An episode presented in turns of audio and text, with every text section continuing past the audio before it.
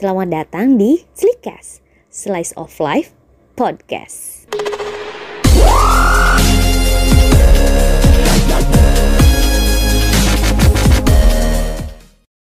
Iya, Assalamualaikum warahmatullahi wabarakatuh.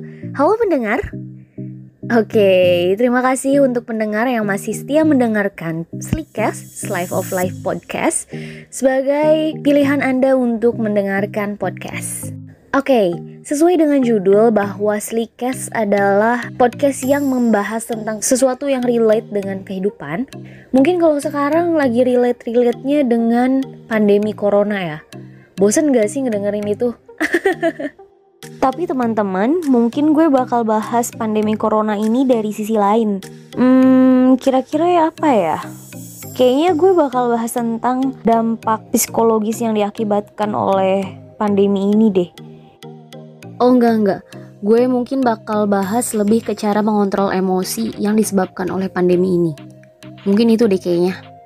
Iya udah itu aja pasti. Soalnya kalau dilihat kayaknya itu yang paling relate banget sekarang gak sih? Kayak sekarang tuh kita lagi diwanti-wanti gimana cara ngontrol gejolak-gejolak emosi yang ada di dalam tubuh kita gitu. Kayak gelisah, jenuh, capek, bosan, cemas, dan banyak gitu ya. Yang gara-gara si pandemi COVID-19 ini kita sekarang udah hampir dua bulan dicokokin sama hashtag stay at home yang mana sebelum pandemi ini kita kan punya sejuta aktivitas di luar rumah yang udah biasa keluyuran, yang udah biasa beraktivitas, udah biasa kerja lapangan gitu. Dan sekarang tahu-tahu harus mendek di rumah yang akhirnya kita melihat tembok tuh itu-itu aja, barang tuh itu-itu aja, aktivitas tuh ya itu-itu aja. Bosen kan? Eh kalau gue sih bosen banget, jenuh. Padahal awal mula ada hashtag stay at home ini kan biar terjaga gitu ya tubuh kita itu. Kesehatan kita itu terjaga biar tidak terpapar oleh virus-virus yang berkeluyuran di luar sana. Tapi bagaimana dengan psikis kita? Soalnya kan fisik dan psikis kita itu adalah satu kesatuan yang ada di dalam tubuh kita yang gak bisa dipisahkan. Ya kayak gue dan dia, elah. Ya tapi bener kan, fisik dan psikis itu tuh kalau misalnya yang satu sakit bakal berdampak yang satunya lagi. Kayak contoh nih, kalau kita lagi sakit, fisik kita lagi sakit, psikis juga jadi ikutan terganggu biasanya orang sakit itu kan suka lebih sensitif gitu loh perasaannya tuh kayak lebih ingin diperhatikan, lebih ingin dimanja atau bahkan kan jadi kayak mudah tersinggung gitu. Nah itulah salah satu dampak kalau fisik terganggu, psikis juga ikut terganggu. Begitu juga kebalikannya. Kalau misalnya psikis kita terganggu, terkadang fisik juga jadi ikutan terganggu pula. Contoh nih kalau misalnya kita lagi emosi, lagi stres, emosinya tuh lagi tinggi, yang negatif-negatifnya tuh lagi banyak dan stres, depresi, itu fisik kita tuh jadi imunnya jadi menurun. Jadi gue pernah baca, e, mungkin kalau misalnya dari pendengar ada yang dari kesehatan dan gue salah, mohon koreksi ya. jadi gini, kalau misalnya kita sedang merasakan rasa cemas, pusat rasa cemas yang ada di otak ini bakal ngerespon dan mengaktifkan sistem saraf otonom secara berlebihan. Jadi tuh si tubuh bakal dibuat seolah sedang menghadapi sebuah ancaman hingga si tubuh tuh bakal merasa harus siaga, siap siaga terus menerus. Nah, hal ini yang bisa membuat gejala yang bersentuhan dengan psikis itu muncul, kayak denyut jantung lebih cepat, terus tekanan darah meningkat, atau bahkan bisa sampai membuat rasa dada itu ada rasa sakitnya gitu loh. Dan aspek yang paling sering terkena dampaknya biasanya dari pencernaan. Kan kalau misalnya kita lagi stres, kalau lagi cemas, kadang nafsu makan tuh hilang kan? Itu karena pencernaannya itu ikut terdampak oleh psikis yang terganggu tadi. Gitu teman-teman. Nah, sekarang gimana caranya biar kita bisa mengontrol gejala-gejala emosi tersebut walaupun kita masih dalam lingkupan stay at home itu? Sebelum gue ngomongin tentang hal apa aja yang bisa mengelola stres kita, gue mau ngasih tahu dulu kalau misalnya manusia itu wajar banget, wajar untuk merasakan cemas, khawatir, takut, dan emosi-emosi negatif lainnya itu wajar. Jenuh juga wajar. Dan jangan memaksakan diri untuk menangkal segala emosi yang ada itu. Karena kalau misalnya dipaksakan untuk menghilang atau bahkan sampai dipendem, itu malah jadi makin bahaya. Yang ada malah menunggu bom waktu kapan itu nggak tahu meledak karena terlalu dipendam, tidak disalurkan. yang akhirnya malah mengakibatkan hal-hal yang seharusnya tidak terjadi malah jadi terjadi. Cuman di sini kita meminimalisir bagaimana caranya untuk mengelola agar tidak berlebihan yang berdampak kepada stres atau depresi gitu teman-teman. Jadi ya bukan maksudnya aku menyuruh pendengar untuk jadi stres, tapi kalau misalnya sedang merasakan hal-hal negatif, itu kamu berhak untuk menangis, kamu berhak untuk sedih, kamu berhak untuk tertawa. Namun ya secukupnya aja, kayak lagu Hindia itu loh, secukupnya kan. Jadi nyanyi. Maaf suaranya jelek guys. Oke, sekarang kita kembali ke topik bagaimana cara mengontrol emosi. Jadi, hal yang paling sederhana untuk mengontrol emosi adalah dengan melakukan latihan pernafasan. Jadi, bagaimana caranya kita bisa membuat diri kita tenang sehingga berpikir pun menjadi positif dan jernih kembali. Dan latihan pernafasan inilah yang paling sederhana yang bisa kita lakukan di mana pun kapan pun. Lah moy, latihan pernafasan gimana sih? Kan setiap hari juga kita nafas. Jadi gini pendengar, maksudnya latihan pernafasan di sini adalah bagaimana kita mengontrol nafas kita agar kita tetap tenang. Jadi pendengar bisa mencoba untuk ambil nafas secara perlahan, lalu tahan, dan buang pelan-pelan sambil mensugesti diri kita dengan hal-hal yang positif. Ayo coba kita praktekkan ya.